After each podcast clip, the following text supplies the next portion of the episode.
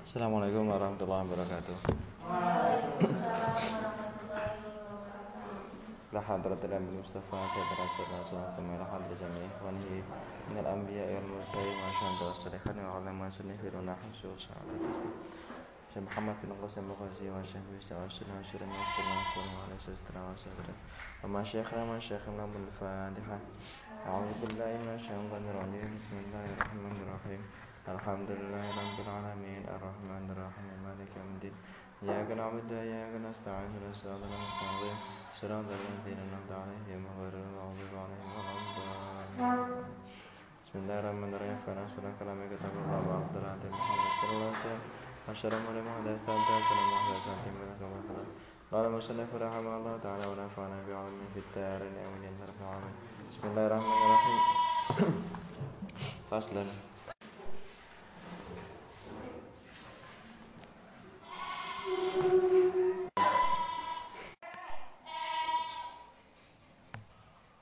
Qabla dukhuli ing dalem sadurunge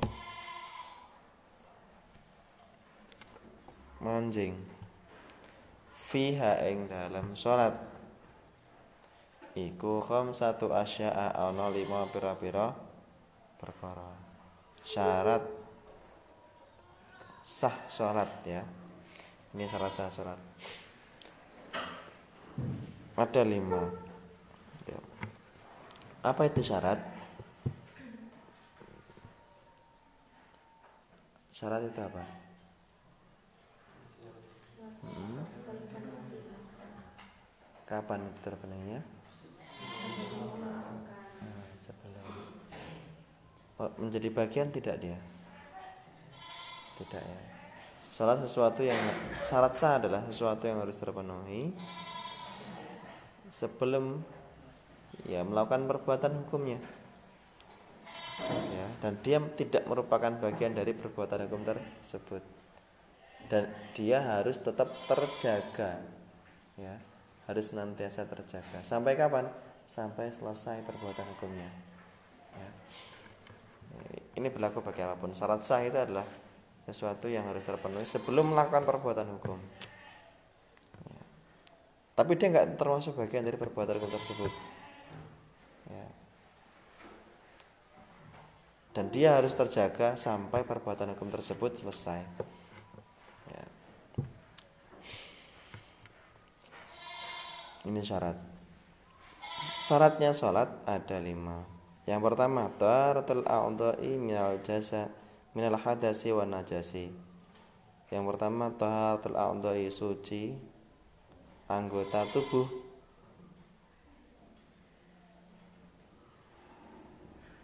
minal hadasi sangking hadas.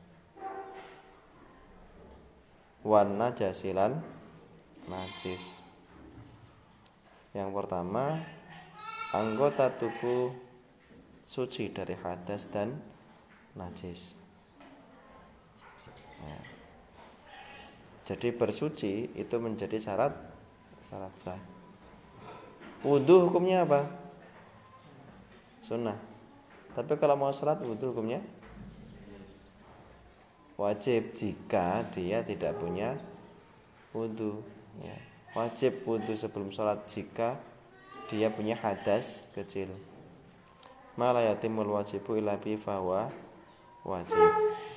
Ya. ini.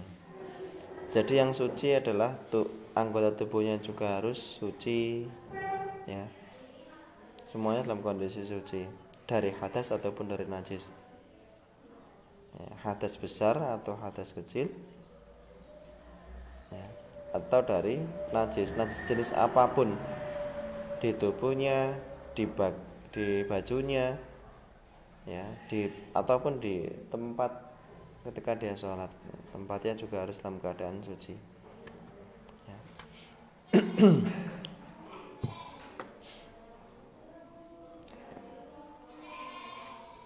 wasatrul aurati yang kedua nan nutupi aurat bilibasin kelawan pakaian tohirin kang suci. Selanjutnya adalah yang nomor dua menutup aurat. Aurat itu apa? Aurat itu adalah cacat. Ya. Yang dimaksud cacat itu apa? Yo yang dimaksud cacat adalah sesuatu yang kalau dia terbuka dan diketahui oleh orang banyak kita merasa malu.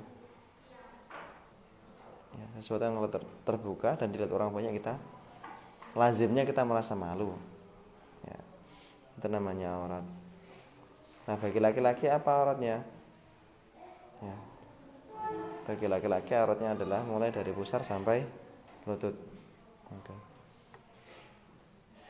Bagi perempuan ya kalau bagi perempuan seluruh tubuh kecuali wajah dan telapak tangan yang dimaksud telapak tangan itu apa yang mana? Yang mana? Yang ini atau yang ini? Yang ini ya. Yang dimaksud telapak tangan adalah kalau dua dua telapak tangan ditempelkan, kemudian nempel, nah bagian yang nempel ini termasuk ini ya. Bagian yang nempel ini disebut sebagai batinul kaf. Itu boleh ter, itu terbuka ya Kemudian bagian yang luar sini disebut sebagai zahirul zahirul kaf. Dalam salat yang boleh terbuka yang mana? Batinul kaf atau zahirul kaf? Ya? Dalam salat yang boleh terbuka yang mana?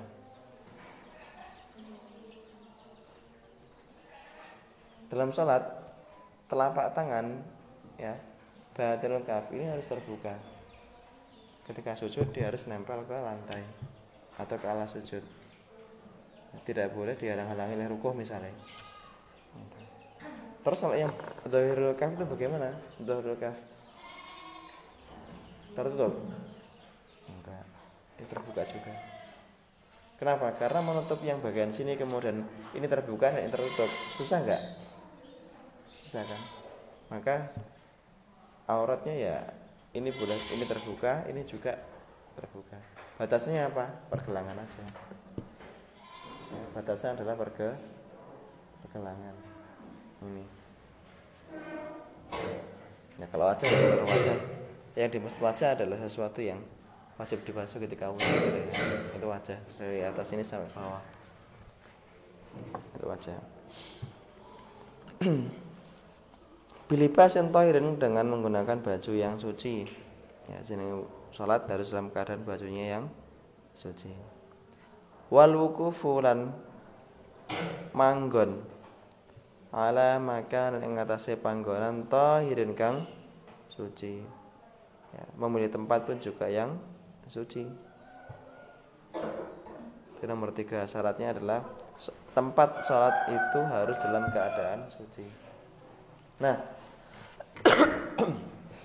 yang dimaksud tempat sholat itu apa? Kalau kita pakai sajadah, maka tempat sholatnya adalah sajadah kita itu.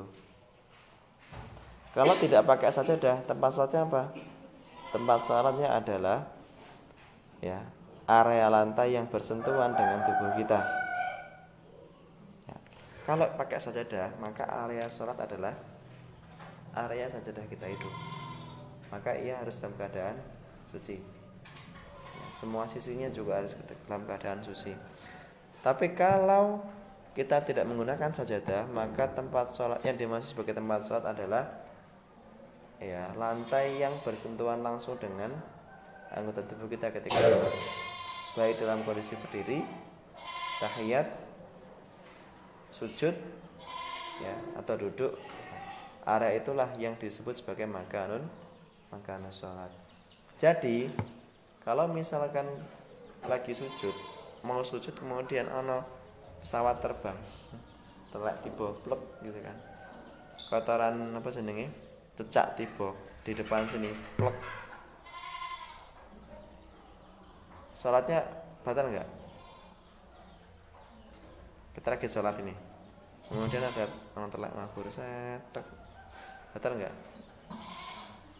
tergantung. Kalau itu kita menggunakan sajadah dan kotor apa jenenge maka ya itu tempatnya menjadi terkena najis. Maka kita harus bergeser. Ya keluar dari sajadah kita. Gitu ya. Tapi kalau kita nggak pakai sajadah cuma lantai biasa maka kalau ada kotoran telak tiba plek no. asal nggak mengenai kita dan itu tidak bersentuhan dengan kita ketika sujud atau ruko maka ya tetap sah. Jadi sholat tipe plek mungkin ini. Anak sujud kan ini toh? Nah nggak kena ento tawasau bis sabar subhanaka allahumma wa bihamdika. Asyhadu an la ilaha illa anta. Astaghfiruka wa atubu ilaik Saya kurang lebih ya mohon maaf. Allahumma fiqh Assalamualaikum warahmatullahi wabarakatuh